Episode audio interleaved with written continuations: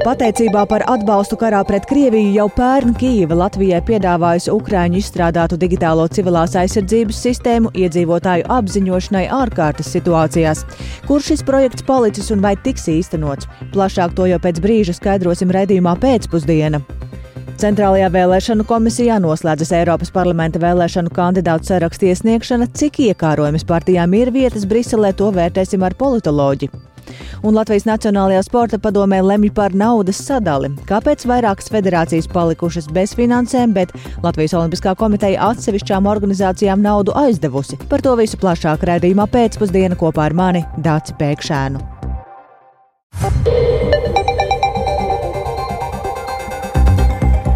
16,5 minūtes. Tas ir ziņu raidījuma pēcpusdienu laiks, kurā pievērsīsimies šīs dienas, 9. februāra būtisko notikumu skaidrojumam. Studijā Dāca Pēkšēna. Esiet sveicināti!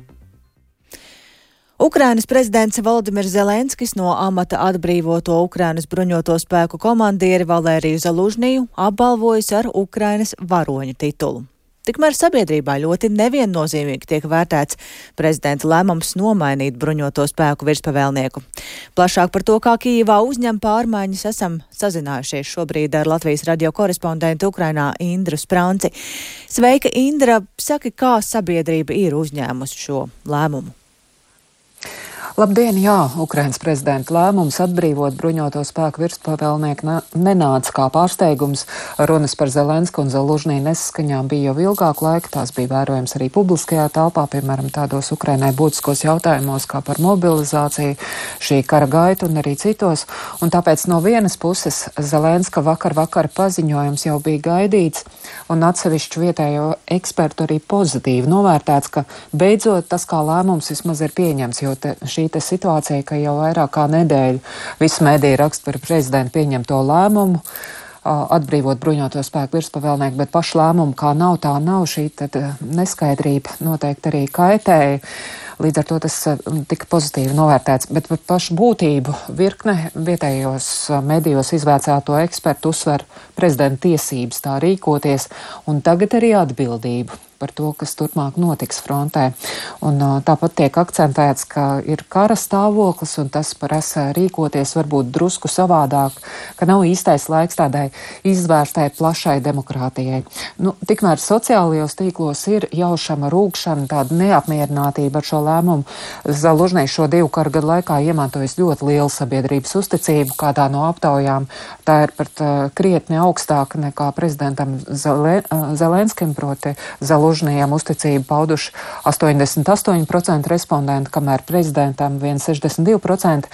Nu, Zalužnija vadības laikā Ukraiņa ieguva pārliecību, ka viņi var stāties pretī tādam iebrucējam kā Krievija. Atcerēsimies pilnu apmēru iebrukuma sākumu, pats sabiedrotie neticēja Ukraiņas spējai cīnīties pretī, bet Ukraiņa nevien noturējās, bet arī vēlāk atbrīvoja ļoti plašas teritorijas Ukrainā.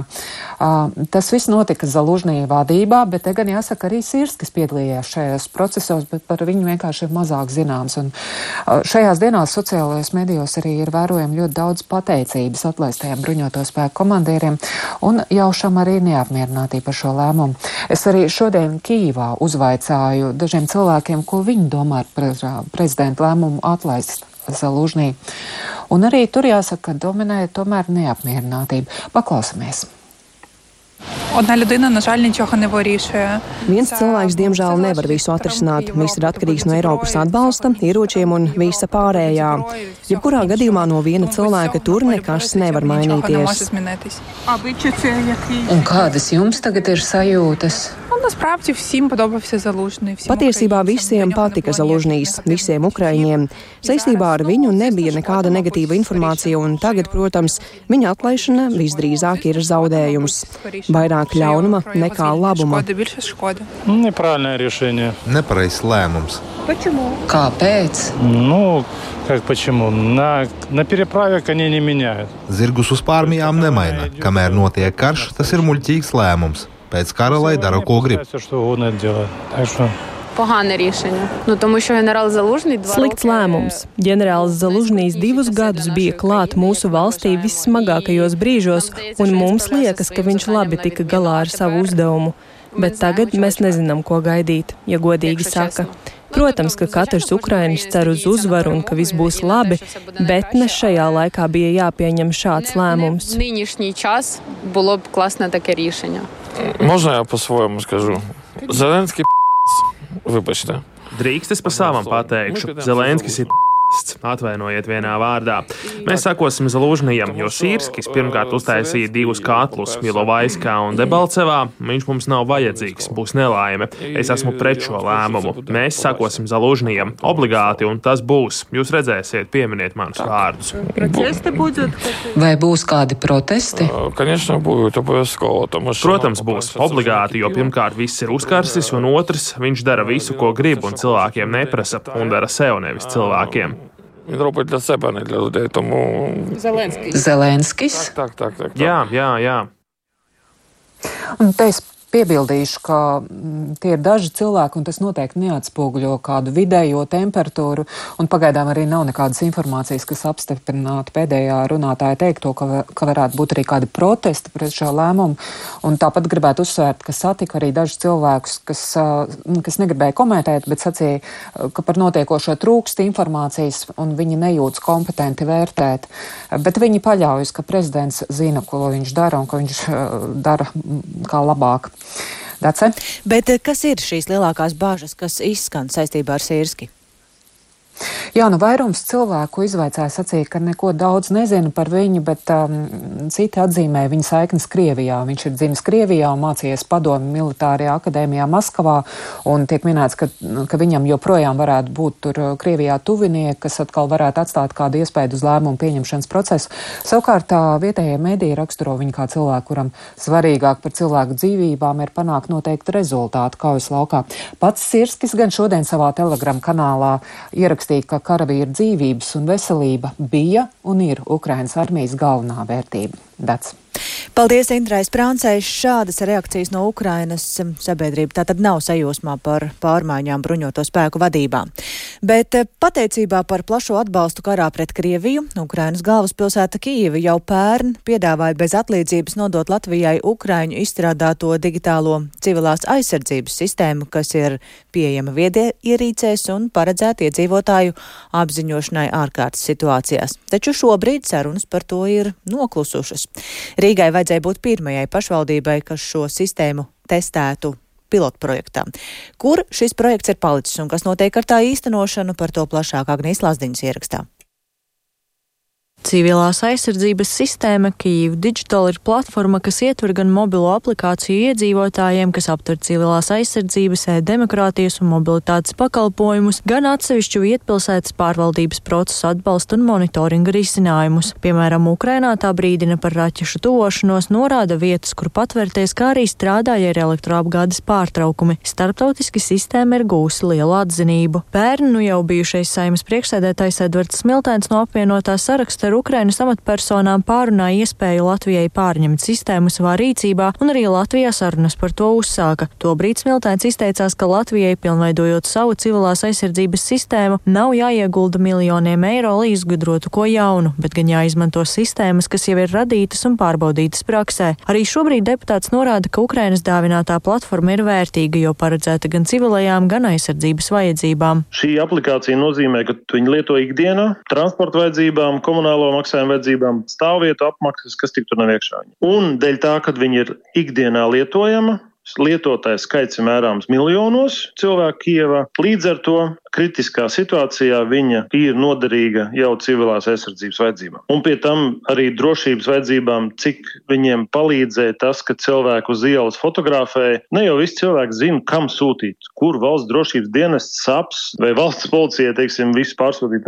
Tur uzreiz tu ievieto fotografiju, ievieto kaut kādu video vai, vai paziņojumu ierakstu un tā tālāk. Tu arī saziņā esi ar, tu, tu esi informācijas avots, tu esi izlūkošanas daļa tajā visā stāstā.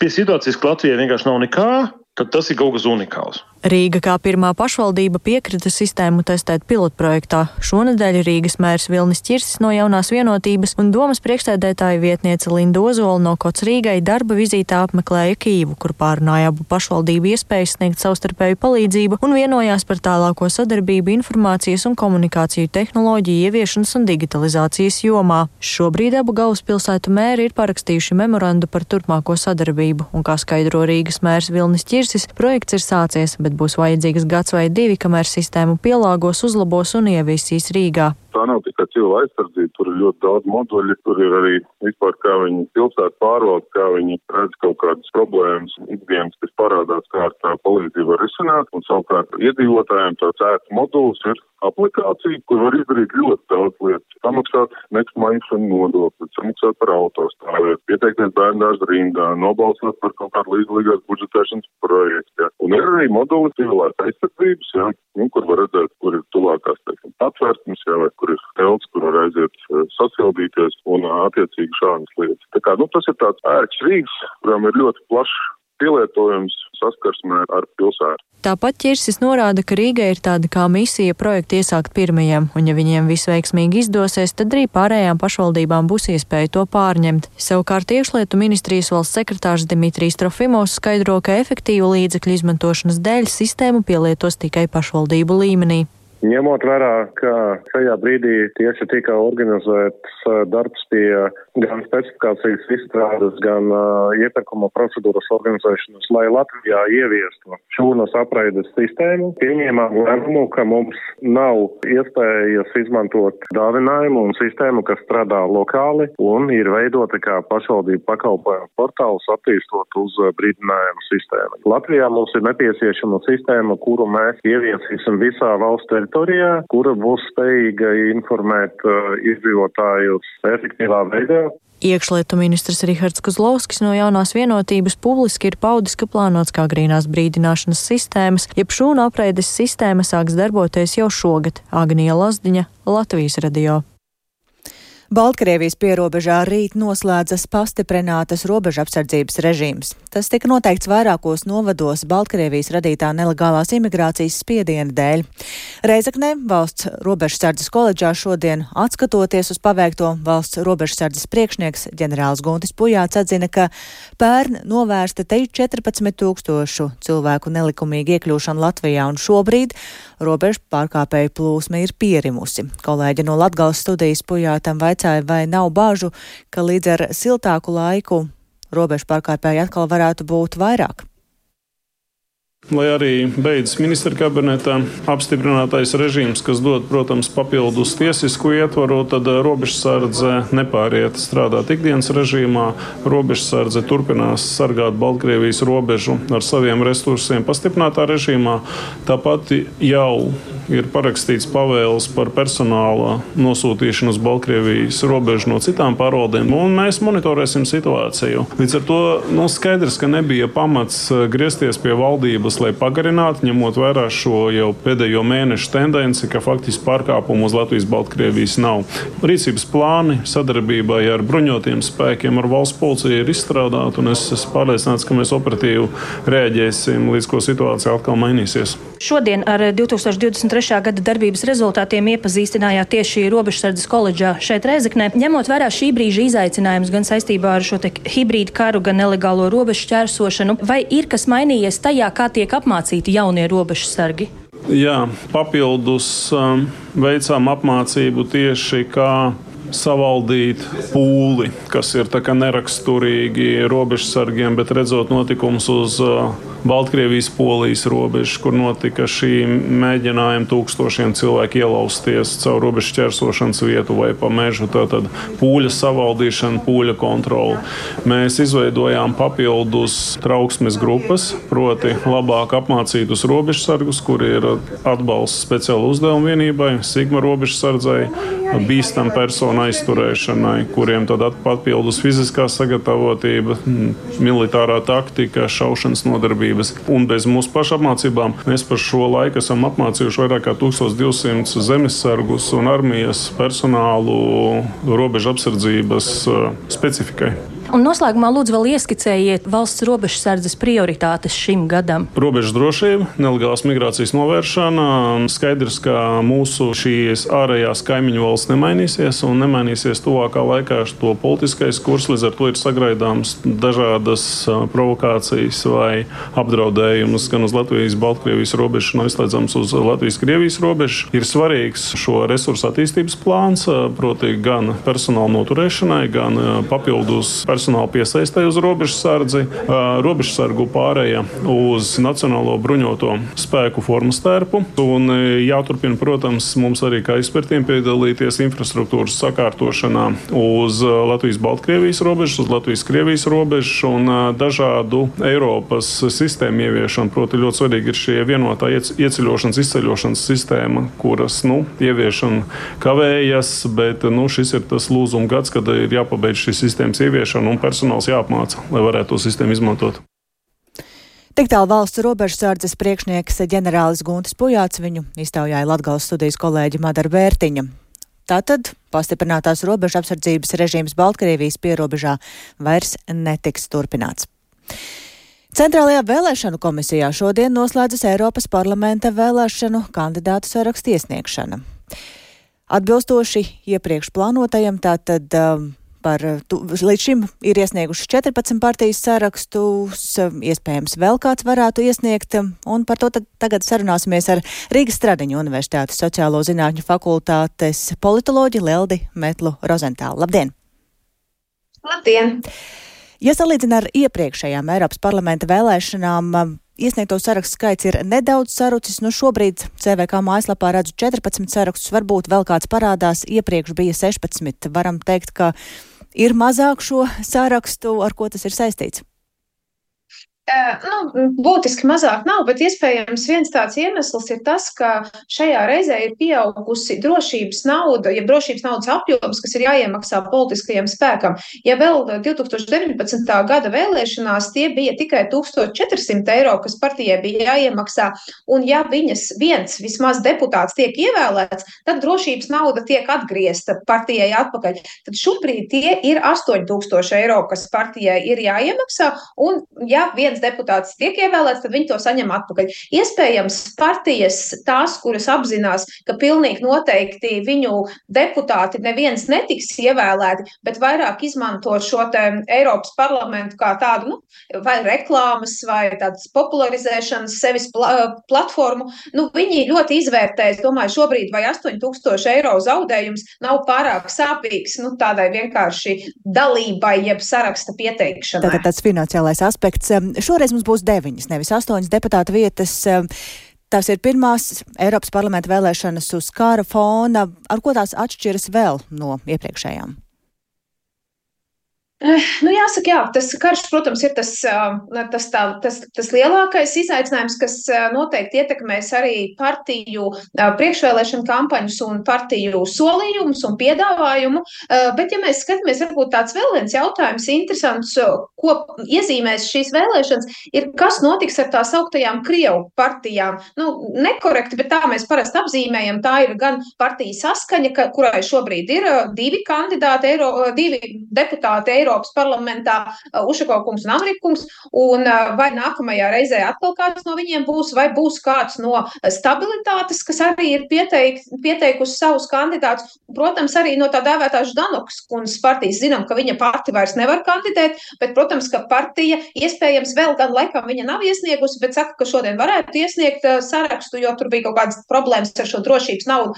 Un tā tad jautājums, vai un cik daudz tiks pārstāvēt šīs te, nu, krievalodīgo politisko bloka partijas ar cik deputātiem. Tas var būt vēl viens. Un tāda maza niansīta vēlētājiem zināšanai. Šoreiz ir garākas partiju programmas. Ja iepriekš tās bija 4000 zīmes, no apmēram viena lapiņa, ko katra partija rakstīja ar saviem solījumiem, tad šoreiz partijas drīkst izvērsties 10 tūkstoši zīmēs. Nu, tas ir apmēram nu, 2,5-3 lapas puses, kurās var stāstīt savus solījumus uz Eiropas parlamentu. Tā kā būs drusciņi vairāk ko palasīt un iespējams līdz ar to arī drusciņi vairāk ko pavērtēt. Vai šīs priekšvēlēšanu cīņas var kaut kādā veidā arī ietekmēt to, kas notiek pie mums, stabilitāti, kādu iekšējo problēmu risināšanā? Mums ir daudz tādas nozares - lauksaimniecība, izglītība.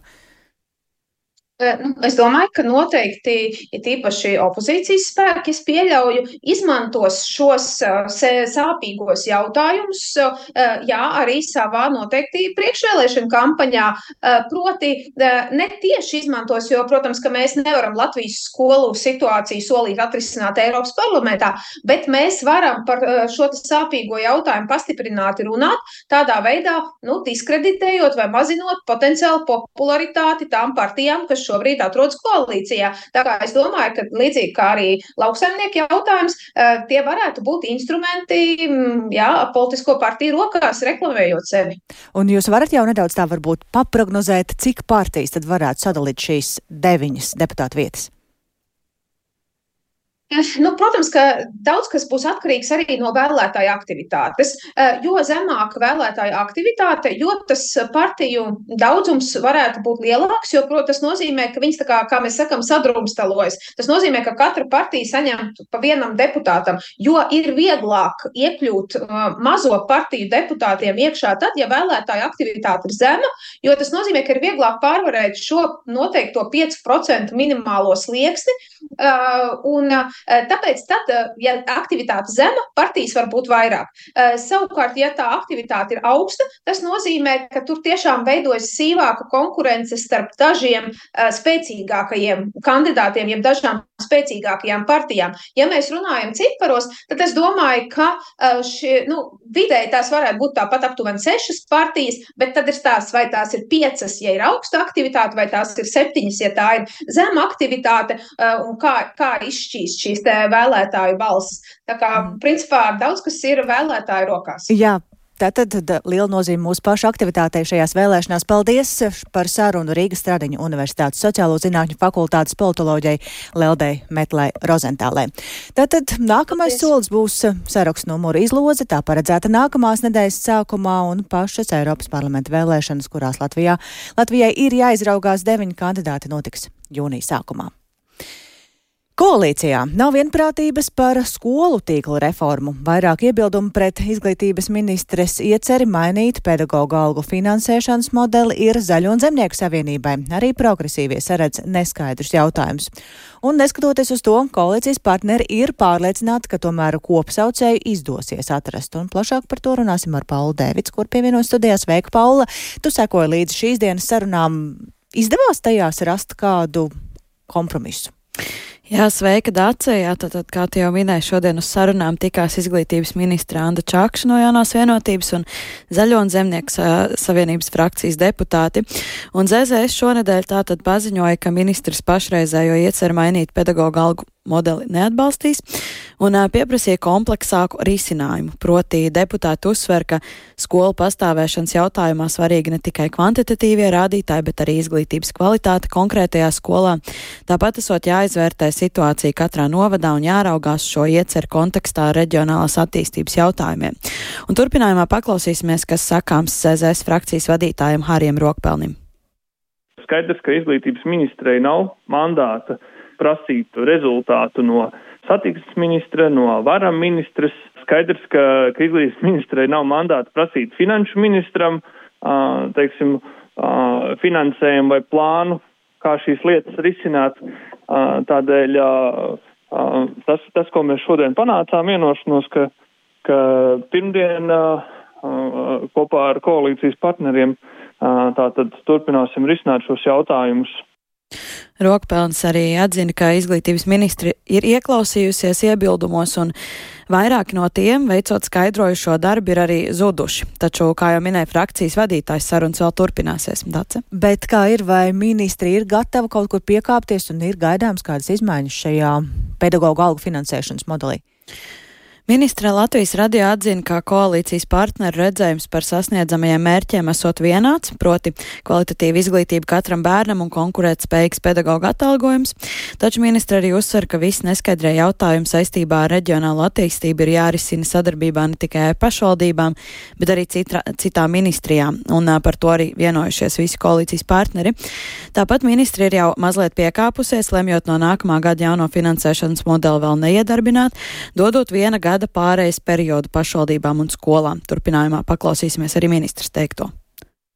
teiktu, ka man liekas, ka tas svarīgākais moments ir par to brīvprātību, kur uh, mēs ar katru pašvaldību izrunājam to viņu esošos uh, skolu ekosistēmas situāciju, slēdzot līgumu par tiem nākotnes posmiem. Uh, tā ir viena lieta. Es saprotu, ka nu, partners uztrauc šī līguma formāts, cik nu, lai, lai tas nekļūst par tādu vienu cilvēku instrumentu, kur mēs redzam, ka, kā to var regulēt ar ministru kabinetu noteikumiem. Jā, tā tad ir dažādas nianses, kurās vēl ir jārod kopsaucējs, bet koalīcijas partneri ir viensprāts, ka risinājumu izdosies atrast un uzsver, ka tādu būtisku strīdīgo jautājumu nesot. Pirmdienā sadarbības sanāksmes sēdē šo jautājumu turpinās tātad skatīt, un arī frakcijas progresīvie deputāti kopumā Čakšas ieceri atbalsta, taču arī vēl iepazīsies ar ZZS priekšlikumiem, un uh, frakcijas deputāta Antoņina Ņenaševa uzsvēra, ka no jaunā finansēšanas modeļa modeļa redz kopumā daudz iegūmu, taču arī viņiem ir neskaidri jautājumi. Tātad sekosim vēl līdzi arī nākamajā nedēļā, kā tad sarunas turpināsies. Paldies Paulai Devicai, bet skolu tīkla reforma nav vienīgais jautājums, ar ko ir jātiek skaidrībā izglītības ministrijai. Tieši šobrīd Latvijas Nacionālajā sporta padomē lemj par valsts budžeta finansējumu sadalu sporta nozarē. Sporta veidu federācijas sūkstās, ka tās palikušas bez finansēm, arī sportisti ir kritiski, savukārt Latvijas Olimpiskā komiteja atsevišķām organizācijām aizdevusi naudu. Un plašāk par šo tematu sarunāsimies ar Māri Bērgu. Sveiks, Māri! Mēs esam jau runājuši gan par kavēšanos ar naudām izmaiņām šajā gadā, bet tā apkopojot, kāda tad ir, kā tad ir ar šim gadam plānoto naudu no valsts makas sporta nozarē? Sveiki, Dācis! Sveicināti klausītāji! Jā, šogad tātad mainās kārtība, kā tiek pārdalīts valsts finansējums sporta nozarē. Šīs funkcijas turpmāk pārņem izglītības un zinātnes ministrija, tāpat arī mainījušies kritēriji, pēc kuriem tad piešķir finansējumu. Un šāda situācija, ka valsts finansējums kavējas, tas nav nekas jauns, tā nav pirmā reize. Patiesībā tas notiek biežāk nekā tam tā būtu jābūt, un ir gaidīts vēl ilgāk. Bet sportisti ir ļoti kritiski, jo šis ir olimpiskais gads, un vasaras sporta veidu pārstāvjiem ir jāgatavojas Olimpiskajām spēlēm. Viens no Latvijas vadošajiem šoseis riteņbraucējiem, Toms Skuiņš, izteicās, ka, ja jau reiz mainām sistēmu, tad izlabojam iepriekšējās kļūdas, lai sistēma strādātu tā, kā tai vajadzētu strādāt. Klausāmies! Tas nav arguments. Tā jau bija. Tas, ka tā bija, tas nenozīmē, ka tā ir jābūt. Viņi veido jaunu sistēmu un sakārtot. Tad ir jāsaprot, pirmkārt, jāpaprasa, kādas bija tās lielākās sistēmas kļūdas iepriekš, lai tās mainītu. Un tad var tik tiešām to sistēmu sakārtot līdz galam. Kā viņi domā sakārtot to sistēmu, ja tik vienkārši lieta kā finansējumu, sākot jau no janvāra sportistiem, nav par to padomāts, sakārtojot sistēmu, tad eh, tā ir liela, liela, es nezinu, kļūda. Ja vēl paturpinām par uh, neziņu, tad šorīt Latvijas Olimpiskās komitejas ģenerālsekretārs Kārlis Lēnieks intervijā Latvijas televīzijā izteicās, ka viņš nemaz nezina, kāds tad ir plānotais budžeta sadalījums sporta nozarei. Arī Latvijas radio uzrunātie sporta federāciju pārstāvi izteikušies, ka šo plānoto sadalījumu viņi nav redzējuši un tādējādi bija arī kritiski par ministrijas komunikāciju šajos jautājumos. IZM sporta departamenta direktora pienākumu izpildītājs Juris Zīvards gan solīja, ka informācija par valsts budžeta sadalījumu sporta nozarei būs pieejama šodien tikai pēc padomas sēdes beigām. Tāds ir. Tātad eh, sportisti federācijas naudu no valsts budžeta nav saņēmušas. Kā viņi organizē savu darbu? Jā, nu federācijas un sportisti šobrīd lāpās, kā nu kurš māca, kāds to dara ar kā, saviem uzkrājumiem vai kādā citā veidā. Taču, kā intervijā LTV šorīt teica Kārs Lēnieks, tad Latvijas Olimpiskā komiteja pat esot aizdevusi naudu dažām federācijām. Tas, kad mēs esam aizdevuši atsevišķām federācijām naudu uz zināmu periodu, kad mums būs kaut kādi konkrēti lēmumi un redzējums arī no izglītības zinātnes ministrs, tas ir fakts. To es nevaru noliegt. Vai tā ir normāla situācija?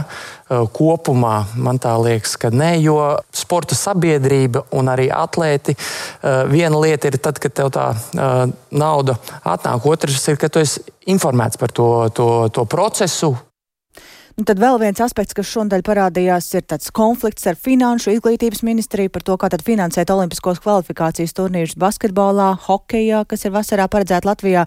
Nu, proti, Finanšu ministrija iebilst, ka to dara no budžeta programmas līdzekļu neparedzētiem gadījumiem. Kā varētu šī situācija risināties?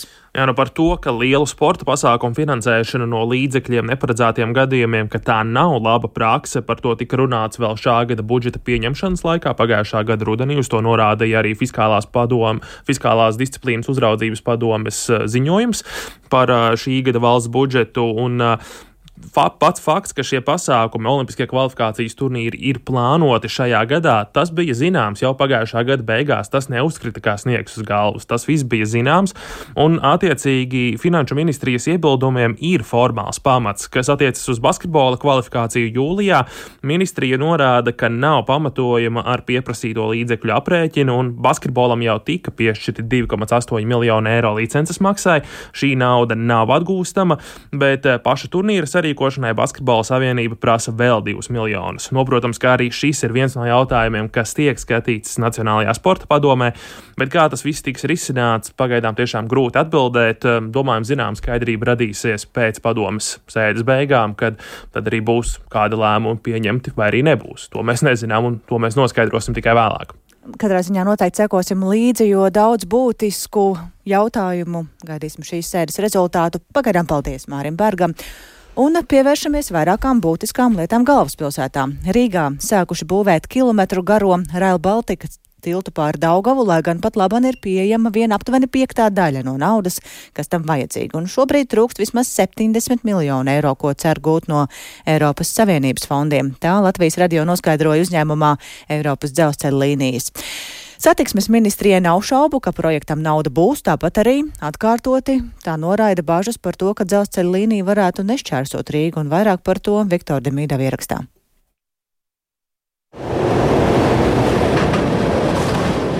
Krastmalā, centrāla tirgus pusē, pie vēsturiskā dzelzceļa tilta piestāja kravas mašīna, kurā salikti būvmateriāli. Tos ar krāna palīdzību lēnām izkrauj. Savukārt uz dzelzceļa uzbēruma manāma būvnieku rosība. Šeit sāk būvēt Real Baltica dzelzceļa tiltu pār Daugavu.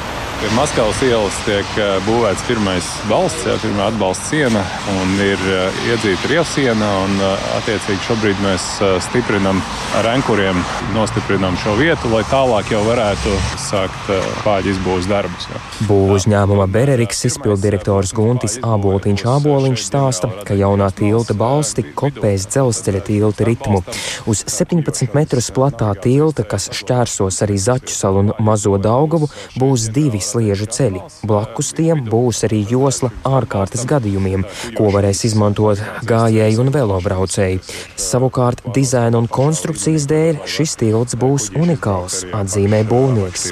Mēs uzbūvēsim balstu un tad no, uz, uz šo līdzsvaru metodi uz abām pusēm tiks betonēti šie laidumi. Ja? Tad, tad priekš dzelzceļa tilta tas ir savā ziņā unikāli.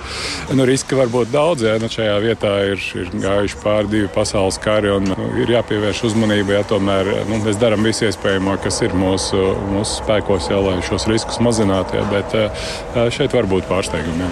Un tas var arī ietekmēt arī būvniecību. Jā. Var ietekmēt, jā.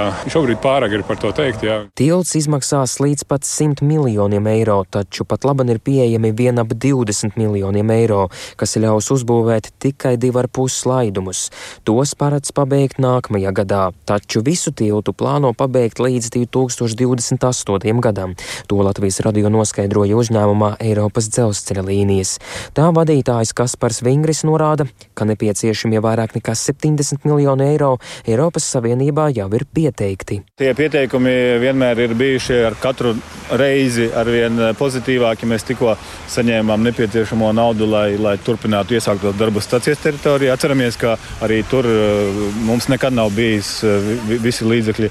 Saņēmām pirmo naudu šo trīs balstu izbūvē, pieteicam nākamos un tieši ar šādu pašu metodi arī turpināsim strādāt. Līdzīgi kā ir vairākas reizes bijis arī, piemēram, lidostas posmā, kur vairāk kā divas reizes mēs neko nesaņēmām, bet pēc tam tikko saņēmām, lai turpinātu darbus, tad tā arī strādāsim. Jau. Līdz šim Latvija no Eiropas Savienības Rail Baltica projektiem ir saņēmusi 900 miljonus eiro. No nākamā pieprasījuma Latvija varētu saņemt līdz pat 550 miljoniem eiro, no kuriem daļa būtu paredzēta tilta tiltam pār Daugavu.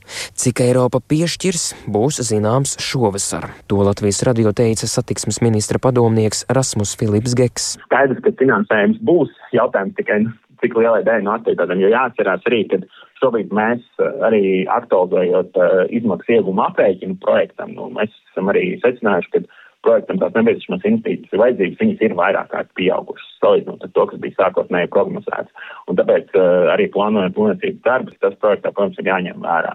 Bet galvenā prioritāte paliek nemainīga, ir jānodrošina Rīgas integrācija jau līdz 30. gadam, lai pirmais vilciens iebrauktu Rīgā un savienot abas stācijas. Eiropas dzelzceļa līnijā sola, ka būvdarbi šogad sāksies Iecavā, savukārt turpināsies Rīgas centrālajā stacijā un ap lidostu. Viktors Demidovs, Latvijas radio. Un ar vienu roku Rīgas dome atbalsta gājējiem domāta skvēra izveidi, kurā notiek arī māja ražotāja tirdziņi, bet ar otru tajā pašā teritorijā dod atļauju iekārtot četras elektroauto uzlādes stacijas. Šāda situācija ir izveidojusies Grīziņkalnā, radot neizpratni apkārtnes iedzīvotājos. Šodien Grīziņkalna apkaimes biedrība Rīgas dome un elektroauto stacija ierīkotājs Latvenergo tikās, lai tad meklētu risinājumus šai izveidojušai situācijai. Par to interesējās Ieva Puķe. Sveika, Ieva, tu tur biji, uzklausīji visas trīs puķes, puses, tātad elektroauto ir nākotnes risinājums, arī zaļie tirdziņi ir laba lieta, kur tad galu galā slēpjas problēma. Jā, labdien! Grīziņkalns, kā jūs visi zinat, šobrīd ir viena no dinamiskākajām Rīgas apkārtnēm, kur dzīvo jauni, progresīvi iedzīvotāji. Tā ir populāra to cilvēku vidū, um, kas uh, ir ar bērniem, jaunas ģimenes, um, uh, tur aug mājokļu cenas, ir parādījušies jauki restorāniņi, un arī iedzīvotāji ir ļoti aktīvi. Um, 2022. gada beigās ir nodibināta Grīziņkalna apkaimes biedrība, uh, kas pagājušo gadu izlēma piedalīties līdzdalības budžeta projektu konkursā Rīgas domē, kur bija iespēja iegūt 70 tūkstoši eiro finansējumu kāda derīga projekta realizācija realizēšanā. Iedzīvotāji izlēma uh, labiekārtot laukumu, ko tautā sauc par pusapli. Tā ir tāda saliņa Jāņa Asara un Pērnavas ielas krustojumā ar asfaltētu ieloku, uh, kur šobrīd tiek novietotas automašīnas un ir arī liels vidas reklāmas stends, bet svētdienās tur notiek mājražotāji tirdziņi. Uh, savu ideju Grīziņkalna biedrība iesniedza Rīgas domei, un biedrības valdes locekle Marta Kotello, kas ir arī bija arhitekte, man šodien pastāstīja, ka projekts iesniegts pagājušajā pavasarī. Domas departamenti visu vasaru apkopojuši atzinumus. Vasaras beigās projekts atzīts par labu esam un virzīts uz iedzīvotāju balsošanu. Tā notika oktobrī un pusapļa projekts iekļuva starp desmit labākajiem. Eh, saņēma finansējumu. Eh, vīzija šī brīža betrēnā asfalta vietā būs apzaļ, apzaļumots laukums, eh, soliņi, koki. Protams, notiks arī tirdziņi. Decembrī bija tikšanās pilsētas arhitekta birojā, kur piedalījās apkaimes biedrība un jau sākta projekta detalizācija par to, ka vienlaicīgi pagājušā gada 19. decembrī Rīgas doma noslēgus līgumu ar komersantu Latvenergo, lai šajā vietā iekārtotu četras elektrouzlādes stacijas Grīziņkalna biedrība uzzināja tikai pagājušajā piekdienā un pauž par to satraukumu. Klausieties, ko teica iedzīvotāja pārstāva Marta Kotello. Tēma ir laukums, labiekārtots laukums kas ir domāts kājām gājējiem un elektrouzlādes stacija kājām gājējiem paredzētā laukuma vidū. Vai pat, ja arī tas būtu kaut kādā vienā malā, ir, nu, es teiktu, pilnīgi pretrunā ar loģiku. Ja tur ir um, četras uzlādes vietas, tad droši vien būs arī kādas mašīnas, kas stāvēs varbūt rindā, jo tā ir ātrās uzlādes stacijas. Tās nav gluži tādas, kur, uh, kur piemēram, Ja man būtu elektroautorāts, tad es, teiksim, kā dzīvojot blakus, es tur varētu lādēt mašīnu par nakti. Mēs noteikti neesam pret šādām elektroauto uzlādes stacijām. Piedāvājam izskatīt tomēr citus variantus, kur tomēr šo staciju izveidot. Runāja Marta Kotello no Grīziņkalna iedzīvotāja biedrības. Tagad visi ir sapratuši, kāda tā situācija ir izveidojusies, kādi risinājumi iedzīvotājiem tiek piedāvāti. Jā, šodien notika tikšanās tajā pašā pusapļa skvērā, kur pati Grīziņkalna biedrība, kas bija pārstāvēta vairāku cilvēku sastāvā, ierosināja, ka staciju varētu, uzlādes staciju varētu veidot, piemēram, Valmieras ielā viens, kur ir liela autostāvvieta. Bet, protams, situācija ir aizgājusi jau diezgan tālu, un tā būtu jārisina Rīgas domē, jo tas ir juridisks jautājums. Līgums ar Latviju Energo par četrām uzlādes stacijām jau ir noslēgts. Šodien uz tikšanos ar iedzīvotājiem Grīziņkalnā bija ieradušies arī Latvijas energo pārstāvi, eh, Baltijas elektrotransporta uzlādes tīkla direktors Ansis Valdovskis uh, uzsvēra, ka elektroauto taču ir nākotnes risinājums un uzlādes staciju Rīgā nepietiek. Ieguvēji būšot paši Grīziņkalna iedzīvotāji, jo rajona mieru netraucēs motoru, rūkoņa. Šī vieta ir arī tāda ļoti labi piebraucama ceļu krustojumā. Uh, un uh, viņš stāstīja uh, man intervijā, ka vie, šī vienošanās ar Rīgas domu par četru uzlādes staciju izveidošanu pusapļa skvērā esot panākta jau 2021. gadā. Un viņam savukārt pārsteigums bija iedzīvotāji ieceres šajā teritorijā, bet viņš izteica cerību, ka tās varēs salāgot ar Latvijas energo plāniem. Bija ieradušies arī Rīgas domas pārstāvi, no kuriem aktīvākais runātājs bija Gatis Štolcers no apkaimē iedzīvotāju centra, un arī viņš izteica cerību, ka tikšot rasts kompromiss Kāds kompromiss tas būs, eh, nav īsti skaidrs, bet eh, pašlaik sajūta ir tāda, ka uh, abas iniciatīvas vai projekti kaut kā nav satikušies birokrātijas gaiteņos. Nu, katrā ziņā labi domātas ieceres, jā, bet šobrīd jāmeklē risinājums, lai tas varētu īstenot, jo vienā vietā tām vietas nav. Bet paldies par šo stāstījumu. Šobrīd saku Ievai Puķei, un ar to tad arī izskan šīs dienas raidījums pēcpusdiena. To veidojām mēs, Dāca Pēkšēna un producenta Ilza Agīnta. Ierakstus montēja Kaspars Groskops un par labskaņu rūpējās Mārtiņš Paeglis. Atgādināšu to, ka raidījumu pēcpusdienu var klausīties arī sev vērtā laikā, ja tas nav dzirdēts, var sameklēt Latvijas radio mobilajā lietotnē dienas ziņas, tur tad arī raidījumi citi, arī no ziņu dienestiem, un tāpat arī Latvijas radio ziņām var sekot līdzi sabiedrisko mediju ziņu portālā LSMLV un arī Latvijas radio sociālo tīklu kontos. Paldies par klausīšanos, lai lieliska nedēļas nogale un uz tikšanos jau jaunadēļ!